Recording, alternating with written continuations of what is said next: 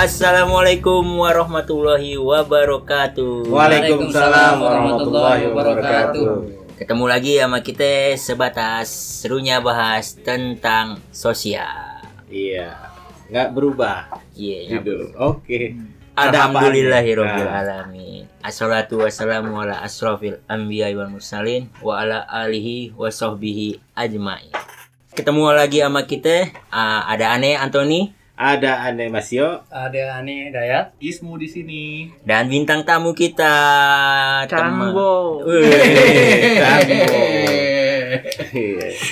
Ini nih kita mulainya udah kontroversi nih. Chan, kenapa Chanbo? Nah, Lo tahu tuh. Ikan boti. oh keren. Padahal nama lu bagus tuh, Ihsan Permana. Berarti apa, Bogor Timur. Eh, iya asal di teman-teman tahu pendengar semua Chanbo adalah teman kita satu angkatan jadi dia udah tua angkatan 98 98. dan dari SMA yang terkenal banget di Jakarta SMA 4 Jakarta, Jakarta. 4 GBR, bukan 4 BGR ya. oh oh Gambir ya bukan Bogor GBR tuh Great Britain. Oi.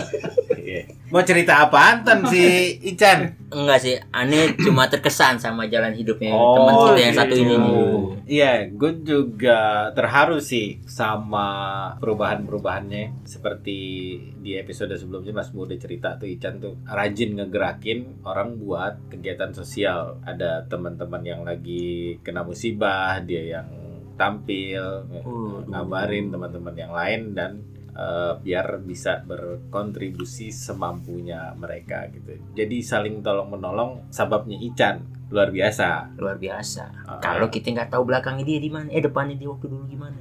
Ini kan mau ngobrol-ngobrol. Ya kita bukannya mau kepo cuma ada pelajaran yang bisa kita ambil nih. Iya benar. Apa masmu jangan melihat orang dari Titik masalah kulminasi. di titik kulminasi eh, apa yang udah teman kita laluin dan gimana cara dia ngelewatin ini semua mudah-mudahan bisa jadi pelajaran Tapi bentar Mas Yo, Bang Anton, Bang Ican. Gue mau naruh konteksnya dulu supaya pendengar juga apa namanya eh, tahu dari mana kita ngeberangkatinnya. Gue mau cerita dikit ke belakang. Pertama kali gue ketemu Ican itu kelas 3 SMP. oh teman SMP berarti Temen Mecan SMP. sama-sama oh anak Mas satu. Sio juga Ah, Mas Yo. SMP Satu. satu oh Jakarta juga Waktu gue ketemu Canmu pertama nih, ya. Kelas 3.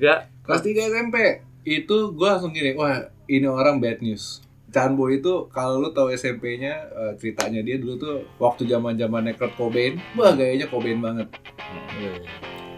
Jangan kopen dulu. Pokoknya Chan Cobain.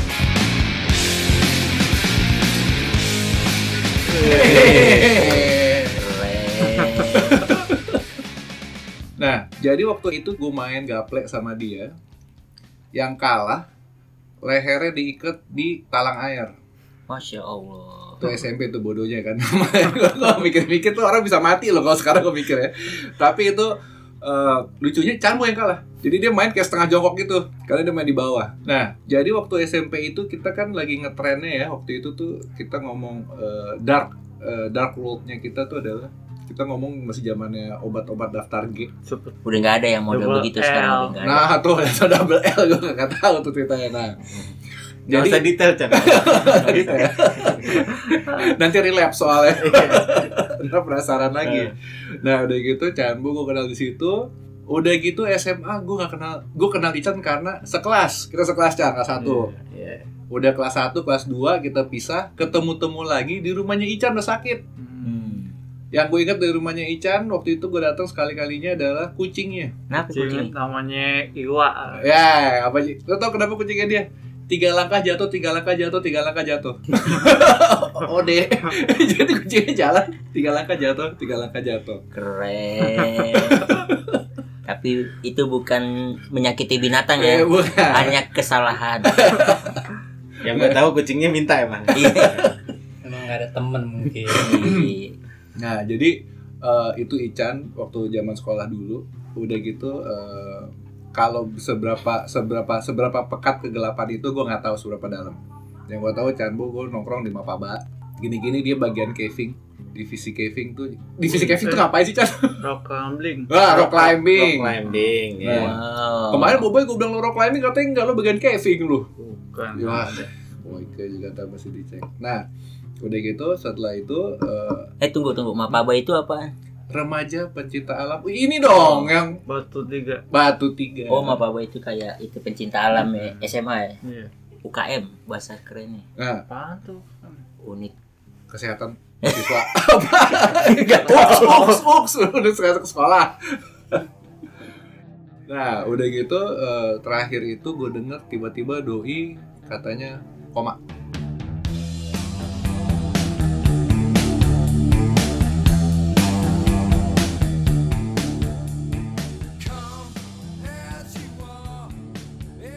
Nah itu gue setelah itu gue nggak nggak dengar lagi ceritanya sampai baru baru baru ini kedengeran lagi kan gue udah mulai apalagi semenjak dia aktif di eh, apa kegiatan Mapaba. sosial masyarakat Oh, kegiatan sosial. kegiatan-kegiatan sosial baru muncul lagi dan gue mulai yang lihat buset ini Chanbo yang dulu main gaple sama gue di bawah talang air nih gitu loh jadi segitu segitu muternya gitu loh kehidupannya doi Iya. gue sih gue merasa gue orang yang beruntung ya Iya. Punya temen yang kayak begini gitu loh bukan ini Chan sorry ini bukannya gue ngejelekin tapi eh, buat gue butuh kekuatan ekstra untuk berbalik dari jelek ke baik daripada dari baik jadi bagus gitu loh Hmm, betul betul. ya kan itu lo berapa banyak ngelewatinnya gitu loh nah jadi sebenarnya itu sih gue pengen ngajak teman-teman tuh buat ngasih tahu dulu Melatar belakangi. titik nolnya di mana gitu loh Iya. Gimana Chan? Ada tekanan nggak? Enggak ada. Nggak ada. Relax. Ya jadi kita kayak mau hipnotis Ada relax dulu. Tatap mata saya. Kayak acara uya-uya. Amit amit. Eh jangan banyak viewer itu. Bodoh amat gue mah amit amit ya. Tebina-bina. eh, Iya. oke Chan. Gimana, Chan? Kalau dari yang apa yang diceritain sama Mas Ismu agak benar semuanya atau Eh sebenarnya sih- sih benar karena waktu itu gue lagi lagi kayak gitu wow. jadi agak lupa gue Iya, iya. nggak apa-apa ya. Aneh paham kok kalau nanti lupa masa lalu. Emang kelam, mendingan dilupain. Iya. ya, ya kita sebagai teman, ya sebenarnya sih lebih kepada bangga sih, seneng karena punya teman karena tahu masa lalu. Iya. Ente yang bagaimana terus tiba-tiba aneh lihat sepak terjang ente pas tiba-tiba aktif di alumni Mapaba tiba wah Ican bisa sehat Ican bisa beraktivitas. Iya. itu kalau bahasa Indonesianya itu amazing. Keren. Iya. ini temen gue yang dulunya ternyata kuat. Bisa begini gitu bisa bertahan dan kuat. Kalau dari sisi ente bagaimana? Bisa memutarbalikkan semua itu semua istilahnya pandangan aneh deh. Gue dulu tuh ngeliat lu tuh hal yang buruk aja kan ngeliatnya. Tiba-tiba pas ngeliat lo berkiprah di dunia sosial jadi tadinya buruk jadi bangga aja senang oh ternyata nih teman gue keren gitu. Lu gimana? Awal mulai jadi ah gue nggak malu lah istilahnya. Kan lu dulu dari dunia yang orang ngeliatnya ya jelek lah tapi lu tetap maju nggak peduli pandangan orang ah ntar gue gimana orang lihatnya gimana? Tapi lu tetap aja ah gue tetap Ican yang ini mau bantu. Ya karena kuncinya ada ikhlas pada semuanya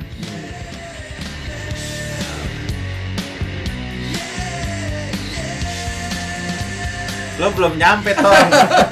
ikhlas Lo semuanya cium tangan Chan. ilmu ikhlas ikhlas dan tuan taksi kita terima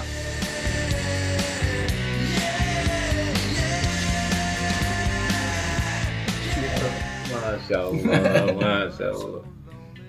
Terus terus. selain selain itu itu itu aja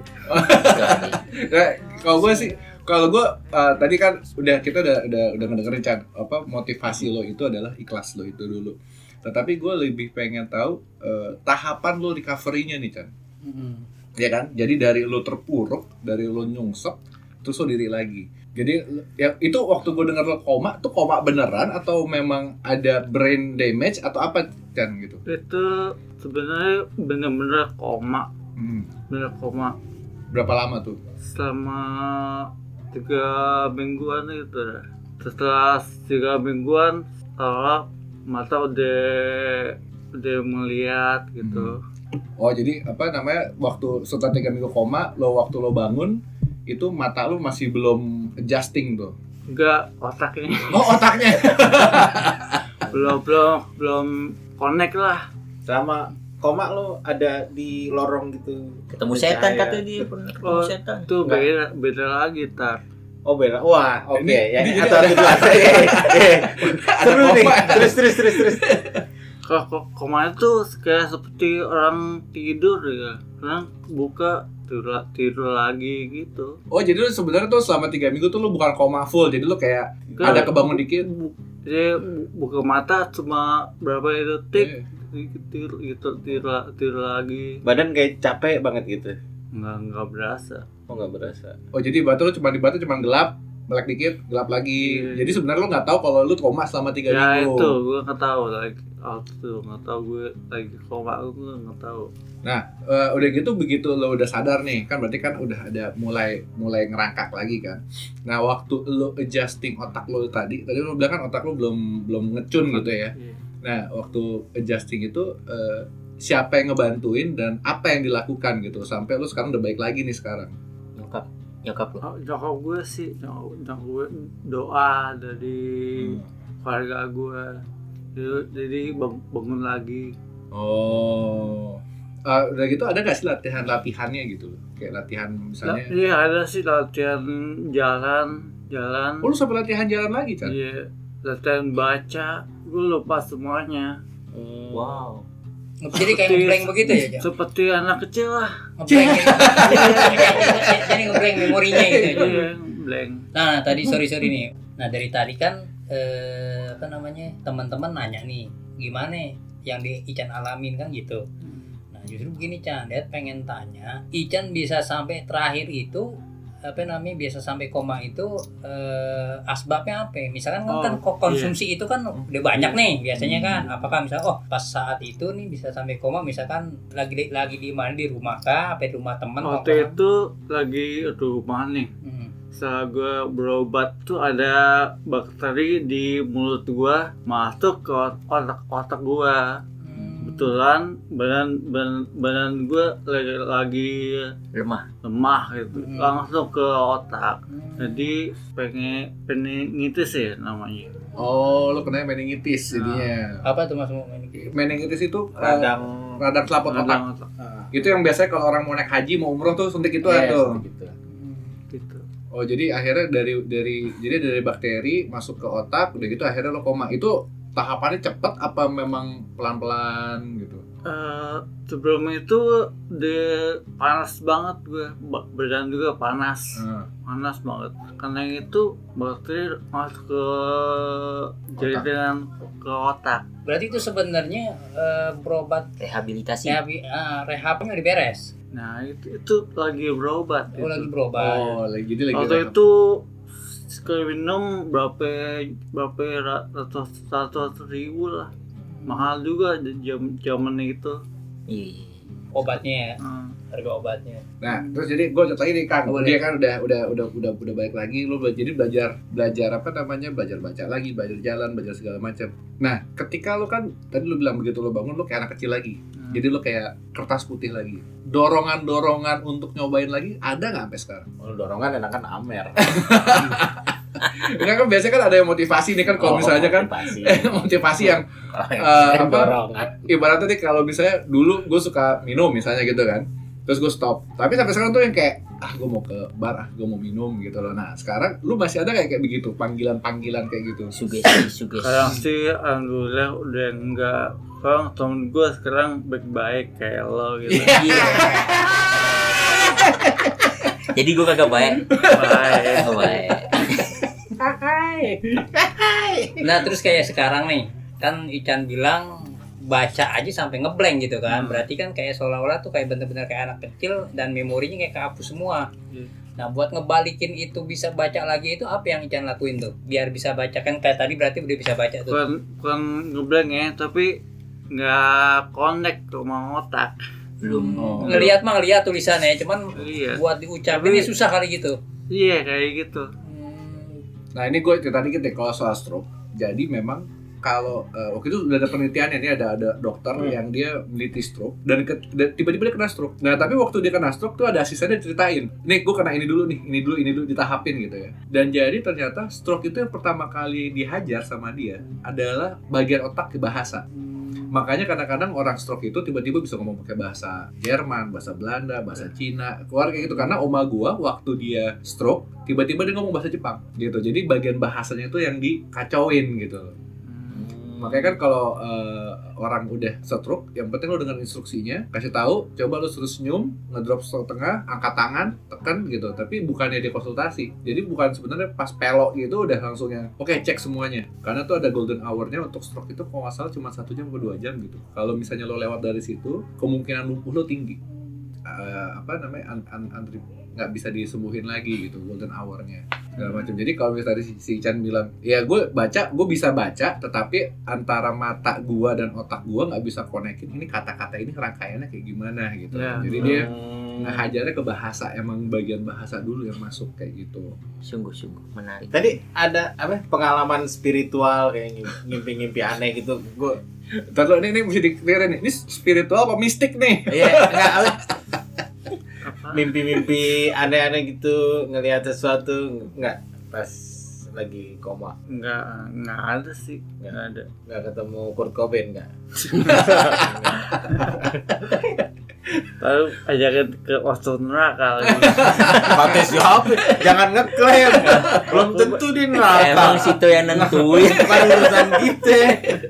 Bukan wilayah kita. Kan ketemu di alam ruh ya itu yang ke jatuh ke dua kalinya. terus Saya itu gue jatuh karena angin duduk kali. Hah? Malam jatuh, gue kayak gue liat cuma ada lubang gede putih badan gue jatuh ke bawah tet semakin semakin jatuh semakin dingin badan gue Terus gue dibangunin sama orang gue naik naik lagi ke atas.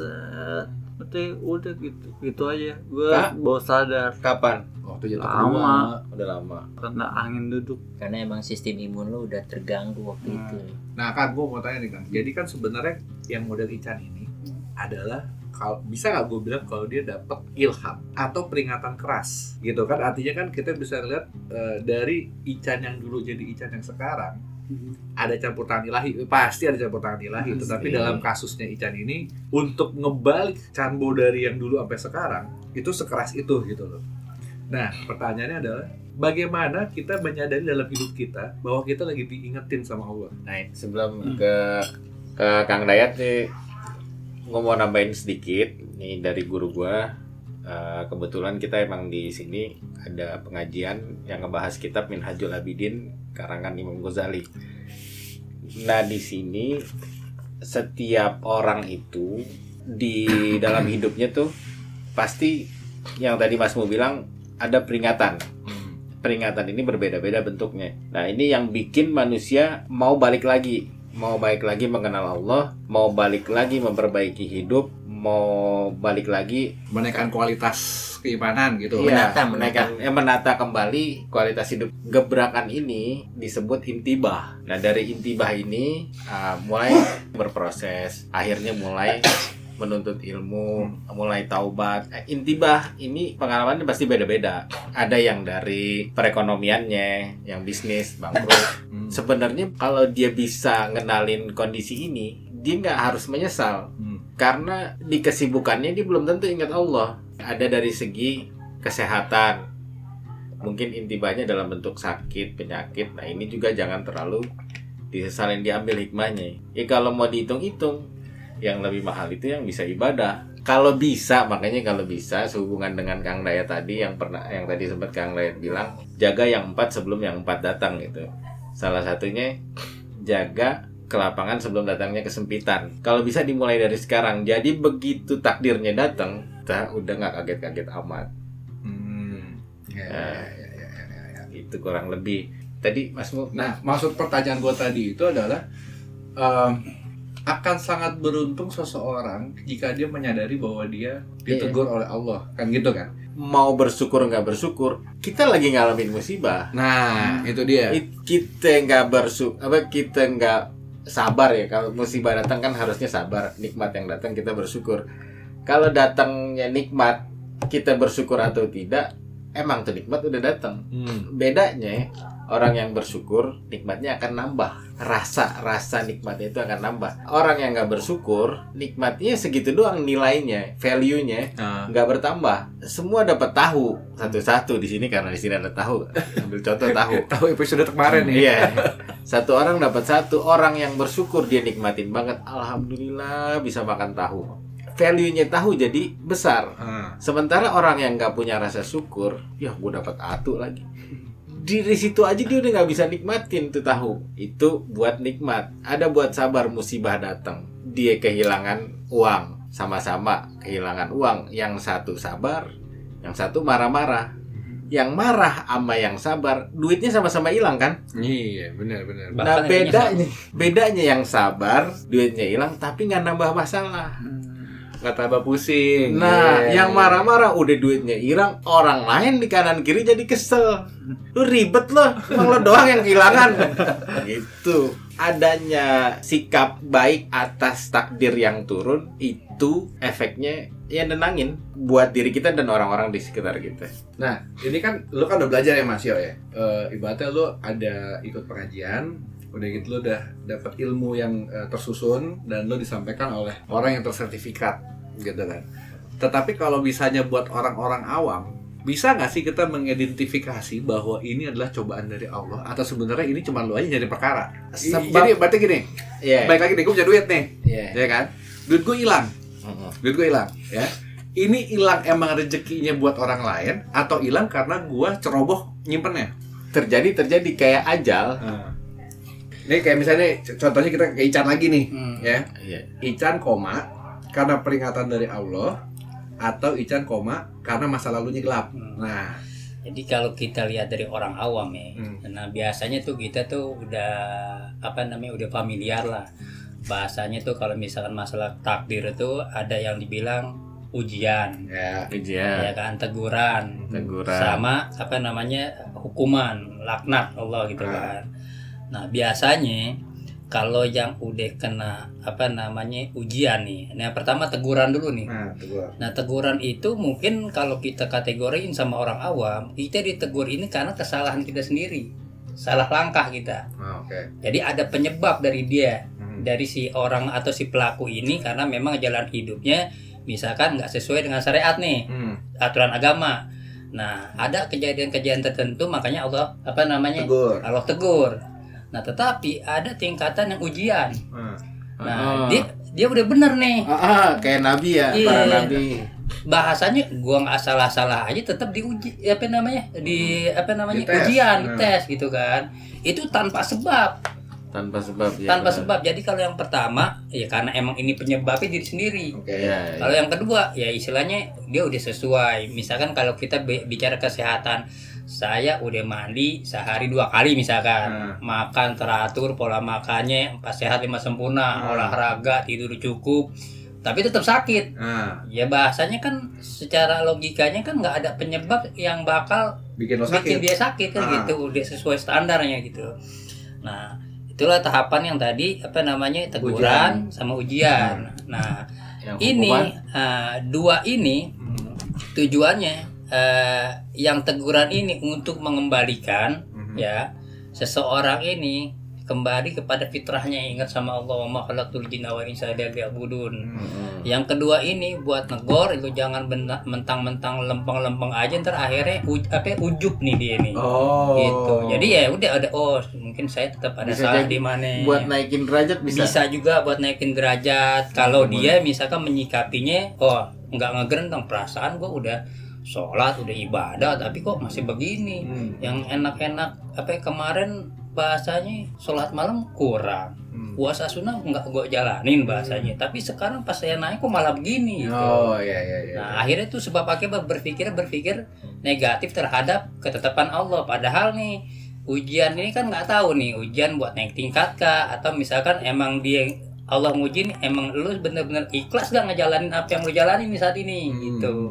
nah yang dua ini tujuannya itu masih bisa ada feedback balik ke Allah. Ya. Masih bisa apa namanya terbalik lah. Oh. nah tadinya kita melenceng nah tetapi kalau yang namanya tadi azab Nah, ya kita mungkin secara kata aja artinya udah beda. Yang azab ini biasanya udah nggak ada ampunan. Oh, gitu. ya. iya misalkan kayak umat-umat para nabi umat-umat yang memang dilaknat misalkan kayak zamannya Nabi Lut Hmm. alaihissalam itu kan banyak ya mohon maaf LGBT akhirnya kan kena laknat nah jadi sebagian itu kan jadi apa namanya jadi kera Nah, nah zamannya Nabi Nuh alaihissalam bahkan anaknya Kanan itu kan yang suruh naik perahu dia nggak mau akhirnya kan azab Allah turun hmm. itu jadi intinya tuh kalau azab biasanya tuh udah ya Final. istilahnya udah final lu udah nggak gua kasih kesempatan bahasanya gitu Oh. Nah, untuk ke apa namanya eh, masalah teman kita ini, Jan, ya terkadang sadar nggak sadar atau dia bisa ceritain apa enggak, tetapi biasanya tuh ada pembicaraan antara ruh dia nih, Mhm. jiwa dia nih ketika di, di bawah alam sadar. Biasanya mungkin kalau kata kita negosiasi ini gua kasih begini mungkin insya Allah deh ya Allah gini-gini mungkin. Hmm. kayak gitu. Jadi biasanya tuh ada ada apa sih namanya? Ada eh, motivasi. Bener juga. Itu masuk sih. Maksud gua dalam artian lo abis koma nih Chan. Bener juga sih bener. Lo abis koma terus tiba-tiba lo bangun otak lo nggak sinkron. Tapi lo bisa nemuin ikhlas. Iya. Iya kan? Wah, ibaratnya kalau misalnya emang lo udah abis ngeriset kenapa lo bisa ketemu ikhlas? Artinya kan ada ya tadi mungkin Kang Dayat bilang kayak mungkin waktu ketika lo koma atau apa tuh ada negosiasi-negosiasi khusus. Negosiasi khusus. Ya, ya. Nah di sini juga kan berarti bisa kita pahami bahwa tempat berpikir itu bukan otak kan. tapi hati Iya. Semua pertimbangan. Lo dapat ikhlas bukan dari otak lo. Di- di Karena hati. waktu lo lo main- meningitis otak lo lagi radang. Tapi lo nggak dapetin keikhlasan itu dari hati lo kan. berarti benar dong kata lu tadi ikhlas Iya itu. betul Gue Lo- selalu setuju dengan Udah tahakuk sama ikhlas. Kita tahakok tuh apaan udah mengerti hakikatnya. apa tadi istilahnya tahakok Tahakuk. tahakuk Tahakuk. Ah, iya. Udah mendapatkan hakikatnya. Kalau Mas Masmu ngelihat durian dari kulitnya, dia cuma ngelihat tajam-tajamnya doang. Kalau lo udah dibengkek Kalau- duluan yang langsung. Kalau Anda ngelihat dari pohonnya doang. Kalau Ican udah ngerasain dari yang Jawa, Sumatera, jenis durian Malaysia segala Nah, itu lo udah paham. Namanya udah tahakuk, suruh nyeritain yang warna tembaga, yang warna mentega gitu. Itu berarti Dia kata me. udah hantam. Ikhlasnya udah hatam, bukan mah. Tapi udah hatam belum baca Quran. Nah, Chan, Nah, nextnya apa nih, Chan? Hah? Rencana ke depan lo apa? apa ya? Nah, Mencoba hidup bahagia aja. Jalanin aja gitu. Jalanin, jalanin, jalanin aja yang Tuhan kasih. Mas, Ikhlas, ikhlas. Udah bener ke- ikhlas, serius gitu. Sama perbaiki ibadahnya. Iya. gue jadi terharu. gue tuh justru pengen nanya sama teman-teman gini loh. Pertanyaan gue Gua apa apa nggak terharu, gua mah kenapa terharu ya? Nah, jadi sekarang gini, apa namanya? eh, inilah yang maksudnya kita manfaat kita ngobrol begini, kita belajar pengalaman dari teman-teman kita, Ican, Abau ya, yang ini nih termasuk orang yang aktif juga nih, ya Iya. kan? Di SMA 4 tiba-tiba ngedrop, apalagi mohon maaf, almarhum juga kan dulu dekat juga Sapril ya. Oh iya. April, nah, kalau Kuitan. kan sempat ketemu sempat sekelas, makanya agak tahu di sedikit. Masing-masing gini, belum tentu juga kalau kita menempatkan diri kita seperti Ican, misalkan nih, eh, apa yang Ican alami diberi ke kita nih, mungkin kita nih belum bisa tentu ja- bisa jalanin kayak Ican, kan kayak gitu. Benar. Iya. Nggak akan benar. sanggup. Belum Setiap tahu. orang punya ujian Jadi, sendiri. Alhamdulillah tuh jawaban Ican tuh eh, apa sih namanya buat kita seneng. Yang penting ikhlas. Dan karena apa Chan? Karena Ican termasuk yang bersyukur. Ada beberapa teman kita ya mungkin ya mudah-mudahan kita Allah ampunin ya kan kita doain. Nah ada yang ketika dikasih teguran atau ujian itu bahkan nggak bisa ngelewatin. Iya. Dan pada akhirnya kan ya Allah alam ya mudah-mudahan husnul khotimah kan Iya. kita nggak tahu cerita kita nggak bisa ngeklaim gitu kan. Hmm. Tetapi kan di sini Ican masih dikasih kesempatan, kesempatan hidup, kesempatan berubah gitu kan. Makanya ya kalau boleh ngasih kesimpulan ya kita kita nih di sini sebenarnya nggak boleh pesimis dalam jalani hidup baik secara ekonomi That's segala macam. right. That's right. Karena apa? ya? Ketika like it, baby. ketika When kita dikasih high. ketika kita masih di kasih nyawa sampai saat ini pada hakikatnya adalah kita makhluk yang harus punya manfaat gitu. Jadi ketika saya pernah nanya sama guru saya Ustaz hidup nih gimana ada ya dia manggil saya kan ada ya selama ruh kita masih nempel kita harus yakin bahwa hidup kita nih harus apa namanya bakal ada manfaatnya hidup. Hmm. contoh misalkan kita nih sebagai kepala keluarga kita masih dikasih hidup. Hmm. berarti kita masih punya manfaat buat anak istri kita jadi gimana? Nah kalau kita udah mati atau meninggal nah itulah berarti Allah cabut karena kita udah nggak bisa manfaat buat Sekitar lagi. sekitar lagi. Jadi maka itu ketika orang dikasih hidup sampai saat ini pada hakikatnya Allah nyuruh kita itu hidup ini untuk jadi makhluk yang manfaat nah ketika dia nggak bisa manfaatin bahkan mohon maaf ya manfaatin untuk beribadah kepada Allah hablum minallah hablum minannas nggak bisa manfaatin ya itu ada tanggung jawabnya konsekuensinya Hmm. gitu makanya Allah nih kasih nih gratis ruh Nah, tetapi apa dengan ruh ini saya pengen kamu begini begini begini begini hablum minallah walaupun Allah udah nentuin pada kenyataannya pilihan orang kan beda Ya. jadi emang apa takdir tuh Allah yang nentuin tapi pilihan mereka yang nentuin Hmm. Nah, makanya kan kayak gini juga ada. Sebelum Allah nyiptain eh Fulan bin Fulan lu saya ciptain begini jalur hidup lu begini ada lima cabang. Ketika kamu mengambil yang ke sini konsekuensinya seperti ini ngambil yang ini konsekuensinya. Mereka dikasih kebebasan sama Allah. Hmm. milih yang mana? Ketika dia milih yang ini konsekuensinya bakal begini. Hmm. contoh kalau situ ngambilnya benar bergaul sama yang ini nggak narkoba nggak ini umurnya pada hakikatnya mentok di usia segini Nah, ya. jadi intinya pilihan ini nih dia yang nentuin. Oh. Nah, tapi takdir di akhirnya kalau lu milih ini takdirnya begini gitu Allah. Oh. Kalau milih begini takdirnya begini, tinggal dia milih yang mana. Tapi juga nanti ada kadang-kadang misalnya dia salah nih ngambil takdir. Misalnya, oh gue ngambil yang narkoba. Ah, Allah tegur. Nggak di situ.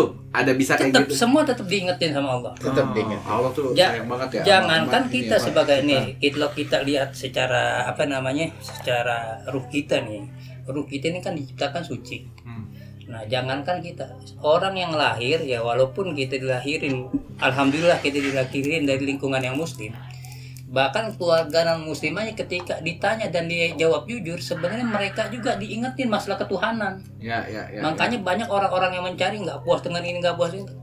Bohong kalau misalkan asbab dia mencari lantaran apa ya? Lantaran ada yang ngingetin Ya, ya, ya. entah itu dengan kejadian, entah itu dengan mimpi, entah dia akhirnya berkomunikasi sama orang lain atau berinteraksi dengan agama-agama lain. Ada ada yang yang nyambuk di diri dia itu untuk mencari tahu hakikatnya kebenaran tuh kayak gimana.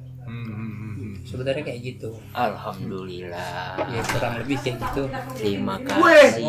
Mas Boy. Nah, ini tamunya nih buat episode berikutnya nih. Iya, akhirnya ada Mas Boy.